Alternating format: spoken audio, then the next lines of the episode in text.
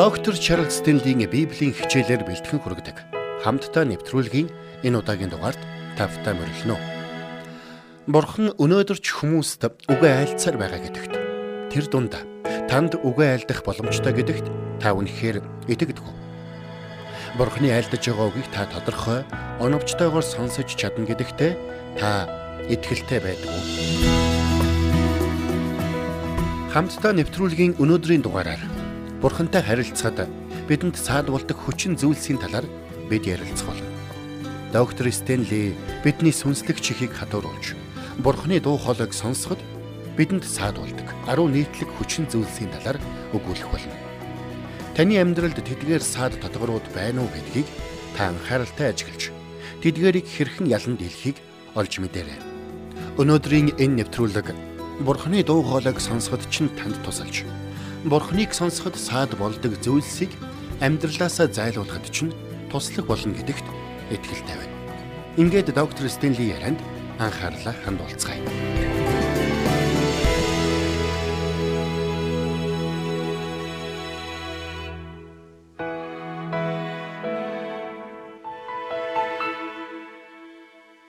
Христэд итгэгчид бидэнд өгөгдсөн онцгой ивэл өрөөлүүдийн нэг бол Бурхантай ярилцах буюу бурханд залбирах боломж юм.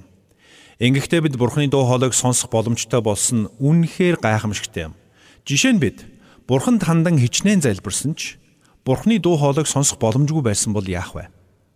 Бурханы өгч байгаа удирдамжийг хүлээн авч бурхнаас ирж буй тайвширлыг мэдрэх боломжгүй байсан бол яах вэ?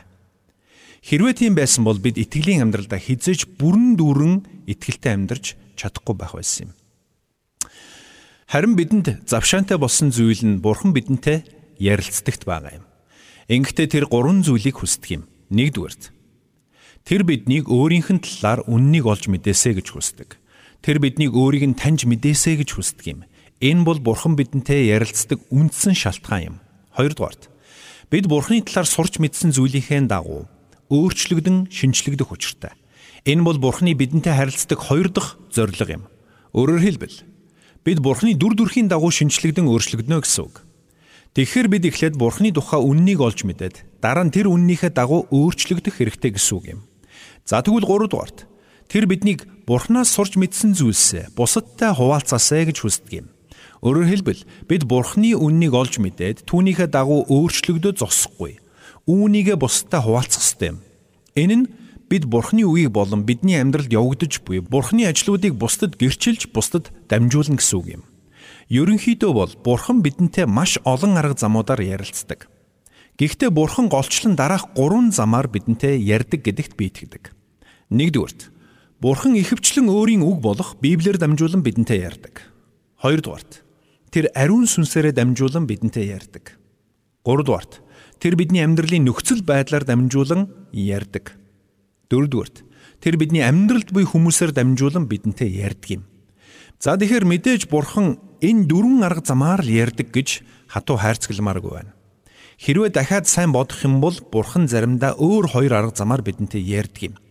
Гэхдээ энэ бол маш ховор. Эхнийх нь зүүд, хоёр дахь нь үзэгдэл. Нэг талаас би бурхан одоо бидэнтэй зүүд эсвэл үзэгдлэр огт ярихгүй гэж хэлж чадахгүй. Гэхдээ нөгөө талаас Бурхныг сонсохын тулд зөвхөн зүүдэ манаад зөвхөн үзэгдэл хүлээгээд бай гэж хэлж бүрч чадахгүй. Бурхан бидэнд үгээ ингэж айлтхыг үгүйсгэж чадахгүй ч хэрвээ үнэхээр ийм зүйл тань тохиолдвол маш ховор зүйл тохиолдож байна гэж та бодоорой.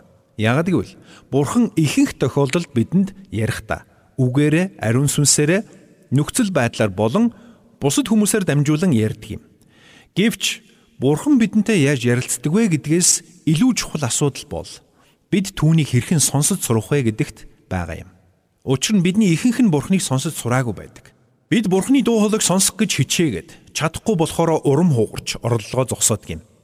Би юу ч сонсохгүй байна. Бурхан надтай ярихгүй байна. Бурхан өөр хүмүүст л үгээ хэлдэг юм байна.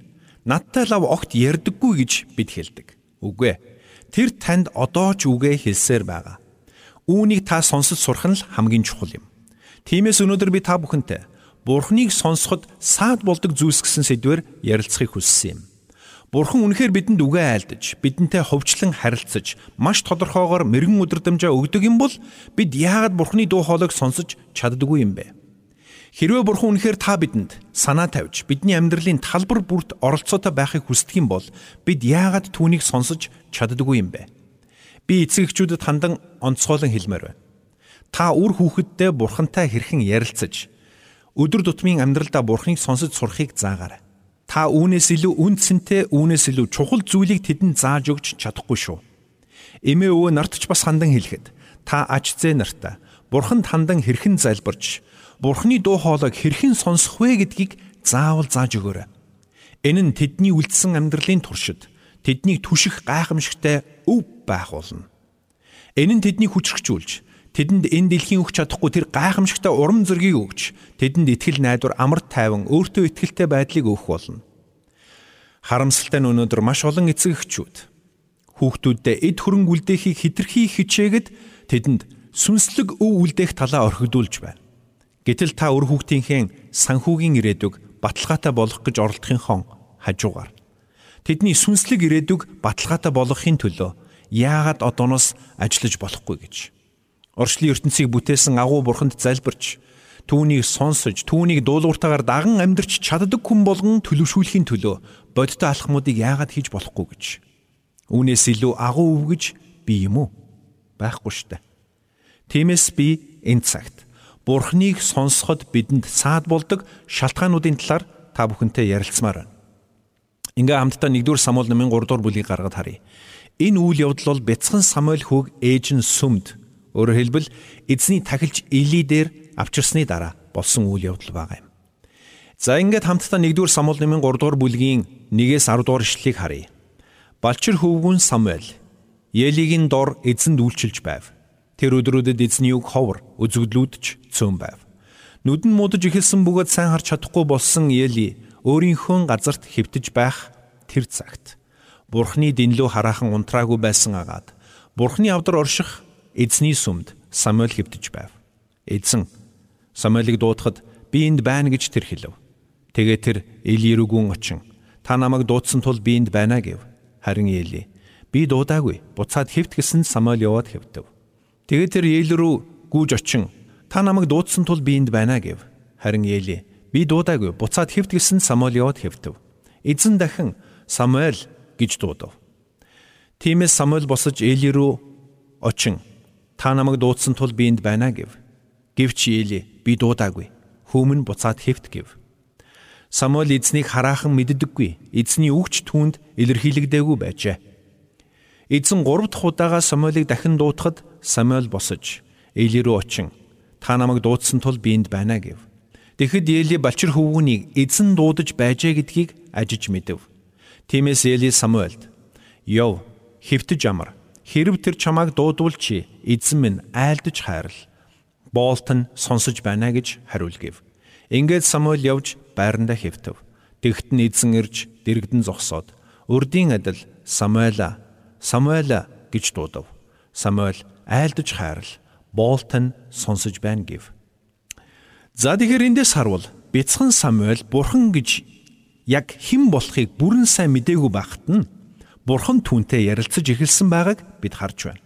Бурхан түүний 3 удаа дуудсан ч бяцхан Самуэль өөрийг нь хэн дуудаад байгааг мдээгүй. Өнөөдөр бидний гарт бурханы үг болох Библи янз бүрийн орчуулгатай, янз бүрийн хэлбэр хэмжээтэйгэр байна. Тиймээс эцэг эхчүүд бид хүүхдүүдтэй хар багаас нь ухаан орсон цагаас нь л Библиэд танилцуулж, Бурхны тухай ярьж, Бурханд залбирч сургах хэрэгтэй. Учир нь Бурхан бидний хүүхдүүдийг баг байхад нь ч тэдэнтэй ярилцаж, тэдэнд үгээ хэлэх боломжтой болохыг бид дээрх түүхээс харж байна. Үнэн дээр энэ бол гайхаад байх зүйл биш юм. Бидний зүрх сэтгэл Бурхны өмнө нээлттэй байх үед Бурхан ямар ч насны хүнд өөрийн үгийг өгч ямар ч насны хүнтэй ярьдаг гэдгийг бид ойлгох хэрэгтэй. Бурхан битсэн Самуэлийг дуудах үед тэр анхандаа Бурхан өөрт нь ярьж байна гэж ойлгоогүй. Үүний нэгэн адил Бурхан бидний хүүхдүүдийг маш бага байхаас нь ярилцаж эхэлдэг гэдгийг бид ойлгох хэрэгтэй. Үр хүүхэд чинь бага болчир наснаас Бурханы дуу хоолойг сонсож, Бурханыг дуулууртаа дагахад суралцах шиг сайхан зүйл бий гэж юу? Тиймээс бид Бурханы дуу хоолойг сонсож сураад зогсохгүй үр хүүхдүүддээ ч заа сурах нь чухал байна. Тэгвэл та бид яагаад Бурхны дуу хоолойг тэр бүр сонсож чаддгүй юм бэ? Бид Бурхныг сонсож чаддгүй ихний том шалтгаан бол бид Бурхныг мэддэггүйтэй холбоотой юм. Магадгүй та дотроо би Христэд итгэгч хүн, би Бурхныг мэдлгүй яах вэ гэж бодож байж болно. Мэдээж та түүнийг мэдсэн учраас л итгэсэн байгаа. Гэхдээ та Бурхныг хэр сайн мэдэх вэ? Үнэн дээр бид Бурхнаа сайн мэддэггүй учраас түүний дуу хоолойг төдийлөн сонсож чаддаггүй юм. Гэтэл бид Бурхнаа хэдий чинээ сайн таньж мэднэ, төдий чинээ дуу хоолойг нь сонсож чадна. Хэдий чинээ түүний дуу хоолойг сонсно, төдий чинээ түүнийг таньж мэдэх болно. Бид хэдий чинээ түүнийг таньж мэднэ, түүний арга замуудыг төдий чинээ таньж мэдэх болно. Эсвэргээр бид Бурхныг мэдэхгүй байх тусам Бурхныг сонсохгүй байх болно. Тиймээс би та бүхнийг Бурхны үг болох Библийн хөлгөн судрыг уншихыг үргэлж ятгадаг юм. Учир нь ингэснээрээ бид Бурхныг таньж мэдэж байдаг юм. Мөн Бурхны үгийг хүлээж авах зүрх сэтгэлийнхээ хөрсийг бэлтгэн бордож байдаг юм. Тиймээс бид Бурхныг сонсож чаддгүй хамгийн чухал том шалтгаануудын нэг нь бид Бурхныг мэддэггүйтэй холбоотой гэдгийг та сайтар ойлгох хэрэгтэй. Өнөөдөр хүмүүс Бурхны талаар маш багыг мэддэг учраас Бурхны талаар хөдлөшгүй үнэн гэж бодож байгаа зүйлсээ А дүрийн ганц нүур дүүргээд бичиж чаддаггүй. Янз бүрийн түүх гэрчлэл биш. Яг Бурхны талаар хөдлөшгүй үннийг бич гэвэл хүмүүс тэр бүр бичиж чаддаггүй юм. Яагаад гэвэл тэд Бурхнаа төдийлэн сайн мэддэггүй. Тиймээс Бурхнаа таньж мэдцгээе. Учир нь бид Бурхнаа хэдий чинээ сайн таньж мэднэ, түүнийг хэдий чинээ сайн сонсно түүнийг төдий чинээ сайн таньж мэдэх болно. Тиймээс бид Бурхнаа таньж мэдэх нь амин чухал юм. Хоёр дахь шалтгаан. Магадгүй та одоо миний хэлэх зүйлийг сонсоод энэ нь Бурхныг сонсохдоо ямар ч холбоогүй юм биш үү гэж гайхаж магадгүй. Гэхдээ л энэ бол нэгт холбоотой зүйл. Юу гэвэл бид Бурхныг тэр бүр сонсож чаддгүй нь бидний өөрсдийн харах хараатай шууд холбоотой юм. Яагаад? Учир нь бид өөрсдийгөө голж, өөрсдийгөө дутуу үнэлж, өөрсдийнхөө талаар таагүй бодолтой явах үедээ Бурхны дуу хоолойг сонсож чаддаггүй юм. Бурхан надтай тоож ярихгүй дээ. Би хинч биш шүү дээ. Бурхан надтай ярина гэж ер нь байх уу гэж бид боддог. Гэтэл энэ бодол нь бидэнд Бурхны дуу хоолойг сонсоход маш том саад болж байдаг юм. Тэгвэл таны хэн болохыг би танд хэлж өгье. Та бол Бурхнаар аврагдсан ариун хүн. Та ариусгагдж зөвтгөгдөж Бурхны гэр бүлийн гишүүн болсон хүн. Тиймээс төрсөн эцэгтэйгээ ярилцах хүүхэд шиг та Бурхантай чөлөөтэйгээр ярилцах боломжтой болсон юм. Учир нь Бурхан өөрөө үүнийг амласан юм.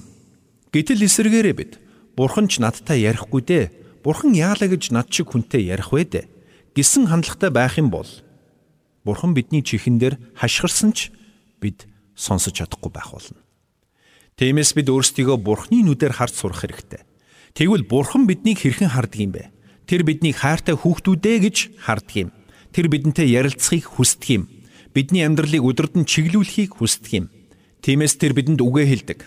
Бидэнтэй ярилцахыг хүсдэг юм. Биднийг Бурханы дуу хоолойг сонсоход дасгалжуулагдаасай гэж хүсдэг юм. Харин бид өмнөөс нь би хинч биш. Бурхан надад хизээч ярихгүй гэсэн бодолтой байсаар байх юм бол энэ нь бидэнд Бурханыг сонсоход саад болдго юм. За ингээд цааш нь Бурхныг сонсоход бидэнд саад болдог гурав дахь шалтгаан нь бидний дотор буй буруутгалын мэдрэмж юм. Бид дотроо буруутгалыг тэн амьдарч байгаа цагт Бурхны дуу хоолойг сонсоход бидэнд маш хэцүү байх болно. Бидний амьдралд хоёр төрлийн буруутгал байдаг. Эхнийх нь жинхэнэ буруутгал, өөрөөр хэлбэл бид Бурхны эсрэг нүгэл үйлдсэн бол бид нүглийнхээ хариуцлагыг хүлээх ёстой. Бид гим нүглээ гимших хэрэгтэй. Энэ бол жинхэнэ буруутгал. Харин нөгөө талд хуурамч буруутгалын мэдрэмж гэж бий. Үүнийг сатан бидэнд мэдрүүлж байдаг юм. Сатан биднийг сайн биш байна. Бурхны хим хэмжээнд хүрэхгүй байна чи гэж үргэлж буруутхан чижилж ялалж байдаг юм. Үүнээс болоод өнөөдөр маш олон хүн буруутгалын өтгөн манан дунд амьдарч байна. Үүнээсээ болоод тэд өөрсдийнхөө талаар үргэлж сөрөг бодолтой явдаг юм. Тэд өөрсдийгөө хизээж бурхан таалагдаж чадахгүй гэж боддог. Буруутгалын энэ манан бол маш өтгөн манан. Үүнээс болоод бид өөрсдийгөө ч тэр мөн бурхныг ч тэр бодтойгоор харж чадахгүйд хүрдэг юм. Бид хизээж бурханд таалагдах үйс хүн байж чадахгүй гэж боддог. Найз минь хэрвээ чи ийм буруудгалын дор амьдарч байгаа бол чи бурхны дуу хоолойг төдийлөн сонсож чадахгүй. Яагаад гэвэл сатан чиний чихэд бурхан яалаа гэж чамтай ярих юм бэ? Чи ямар зүйл хийснээ санаж байгаа үсттэй хэмээн шивнэж байдаг юм. Үүнээс болоод таны бодол санаанд би буруутай, би зохисгүй, бурхан надтай ярихгүй, би юу хийж орхисныг харалдаа гэсэн бодол байнга эргэлцсээр байх болно. Найз минь, энэ бол диавлын худал хуурмаг хуурам мэхлэлт. Учир нь бурхан таныг уучлсан л бол та уучлагдсан гэдгээ ойлгох хэрэгтэй. Нөгөө тэгүр буруутгалын мэдрэмжэндээ автсан хүний залбирал ихэвчлэн өөр дээр төвлөрдөг. Тэгэхээр би ийм хүмүүсийг яллаж буруутгаж байгаа юм биш шүү. Зүгээр л бид буруутгалд хид автах үедээ хар аяанда өөрөө ч мэдэхгүй өөр дээрээ төвлөрж эхэлдэг юм. Бидний залбирал хүртэл өөр дээрээ төвлөрсөн байдаг. Хэрвээ миний дотор өөрийгөө буруутгасан хуурамч буруутгал байгаа бол би зөвхөн өөртөө л төвлөрнө. Зөвхөн өөрийнхөө алдаа дутагдал буруутгалд анхаарлаа хандуулад Бурхны дуу хоолойд анхаарал хандуулж чадхаа болдгийм. Үннийг хэлэхэд баг Бурхны дуу хоолойг сонсохоос ч айж эхэлдэг юм. Учир нь Бурхан ч бас намайг буруутхан яллах вий гэсэн айдас бидний дотор төрж байдаг юм. Тиймээс энэ нь эргээд бидэнд Бурхныг сонсоход саад болж байдаг. Бурхныг сонсоход бидэнд саад болдог дөрвдөх зүйл бол бидний завгүй байдал юм. Бид бүгд л өөрсдийн хүсэж зорьсон зүйлийнхээ төлөө маш их завгүй зүтгэдэг. Мэдээж зарим зүйлийг бид зайлшгүй хийх ёстой байдаг юм. Бид амьдралаа авч явахын тулд ажил хөдөлмөр эрхлэх нь зүй ёсны хэрэг. Бидний зарим нь өдрийн 8 цаг, зарим нь түүнээс ч олон цаг ажилладаг. Зарим нь бүр ээлжийн ажилтайч байдаг юм. Зарим ажил биднээс байнгын өндөр анхаарлыг шаардаж байдаг. Бид бурхан зав гаргах ёстой гэж хэлэхдээ би энэ бүх үүрэг хариуцлагаас зүхтах хэрэгтэй гэсэн санааг огт хэлээгүй юм шүү. Гэхдээ Бурхны сүнс дотор алхаж буй хүн амьдралын тэр бүх үүрэг хариуцлага үүрхийн зэрэгцээ Бурхантай харилцахад хангалттай цагийг гаргаж чаддаг.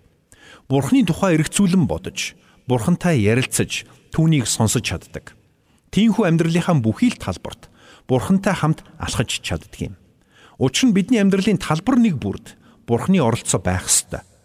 Бид өөрсдийн амьдралыг сүнслэг болон сүнслэг бус талбарт хуваад салгаж ойлгох ёсгүй юм. Христэд итгэж хүмүүсийн хувьд бид амьдралдаа тохиолдож буй бүхий л зүйлсийг Бурхантай холбож харж сурах хэрэгтэй. Өөрсдийн хийж буй ажил, үүрч буй үүрэг хариуцлагч Бурхны нүдээр харж Бурхантай хамт хийхийг эрмэлзэх ёстой. Гэхдээ бид заримдаа хийж байгаа зүйлстэй хитрхи сатаарад Бурхны дуу хоолойг сонсож чадахгүйд хүрэх боломжтой юм. А нөгөө талаас бид маш их дуу чимээн дунд амьдардаг. Өглөө сэрвүүлгийн дуу биднийг сэрээдэг, усанд орох, Шүдэ угаахад ч дуу чимээ гардаг.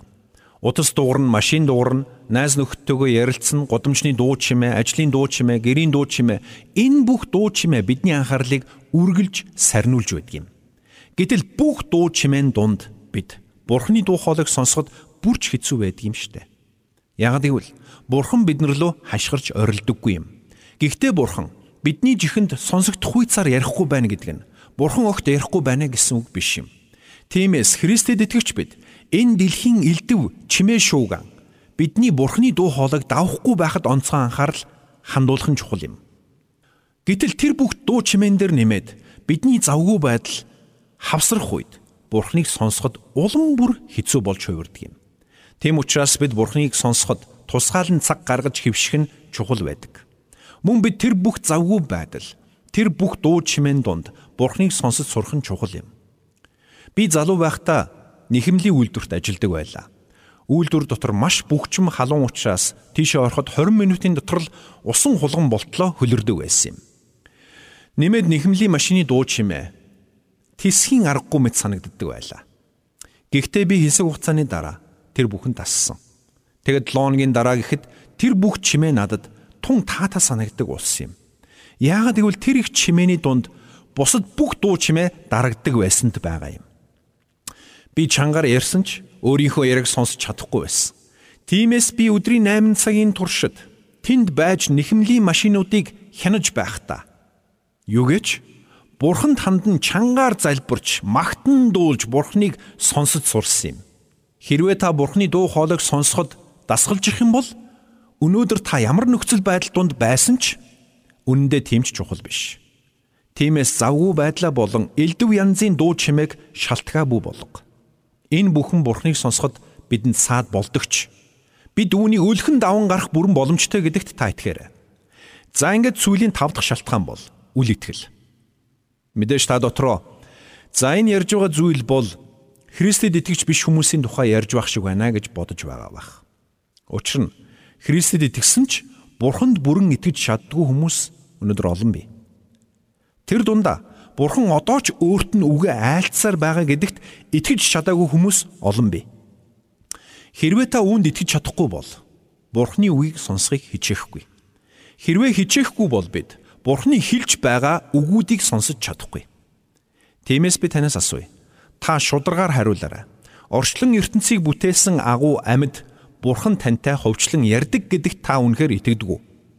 Таны амьдрал, таны гэр бүл, ажил төрөл, санхүү мөнгө, сэтгэлийн зовлон, баяр хөөр, айдас түгшүүр гэд бүхий л сэдвээр тантай ярилцдаг гэдэгт та үнэхээр итгэдэг үү? Тэр өнөөдөрч тантай ярьсаар байгаа гэдэгт та итгэж байна уу? Та энэ бүхэнд үнэхээр итгэх хэрэгтэй. Учир нь Бурхан бидэнтэй ярилцдаг гэдэгт итгэхгүй юм бол бид сонсхийг хичээхгүй. Хэрвээ сонсхийг хичээхгүй юм бол Бурханыг сонсож чадахгүй. Тиймээс та орой унтахаар орондоо ороод Бурханы өмнө залбирч Бурханыг сонсох цагийг тусгаалan гаргаарай. Өндөрлөж буй өдрийн чин талаар болон эх өдрүүдийн талаар Бурхан танд юу гэж хэлж байгааг анхааралтай сонсоорой. Үүнд цаг хугацаа шаардлагатай гэдгийг та ойлгоорой та Бурхныг сонсож сурахад өөрийгөө дасгалжуулъя гэж бодож байгаа бол Бурхныг сонсоход тусгаалan цагийг аль болох олон гаргах нь зүйтэй юм. Тэр цагт та Бурхны дуу хоолойг сонсож эхлэх болно. Бурхны дуу хоолой таныг өдөрдөн чиглүүлэх үед таны амьдрал өөрчлөгдөж та Бурхны хүслийн дагуух хүн болон шинчлэгдэх болно. Тэр цагт таны амьдралд хандсан Бурхны агуу зоригч бас биелээ олох болно. Есүс Христэд итгэж Бурхны хүүхэд болсон хүмүүсийг удирдан чиглүүлж, хүчрхэгжүүлж, тэдэнд урам зориг өгөхдөө Бурхан хизээд бэлэн байдаг. Тэр бидэнд өөрийн үгийг өгөхийг хүсдэг. Гэхдээ Бурхан өөрийн заавар зөвлгөөнүүдийг бидэнд хашгирч, зандарч өгдөггүй. Тиймээс доктор Чарлз Стенли бидэнд Бурханы дуу хоолойг анхааралтай сонсож, түүнийг дуулууртайгаар дагахыг эрмэлзэх учиртай гэдгийг санууллаа.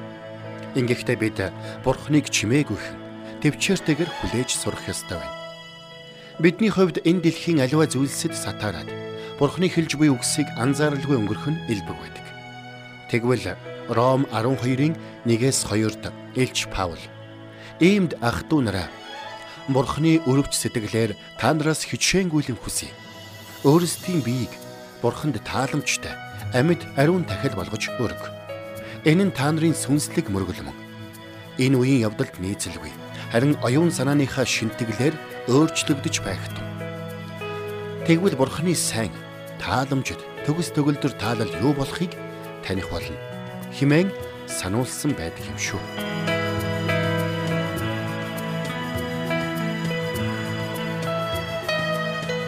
Бурханд тэмүүлсэн сэтгэл хүмүүсийг энэрх зөрхөөр амьдрахад туслах номлогч доктор Чарлз Стенлигийн хамттай нэвтрүүлэг сонсогч танд хүрлээ.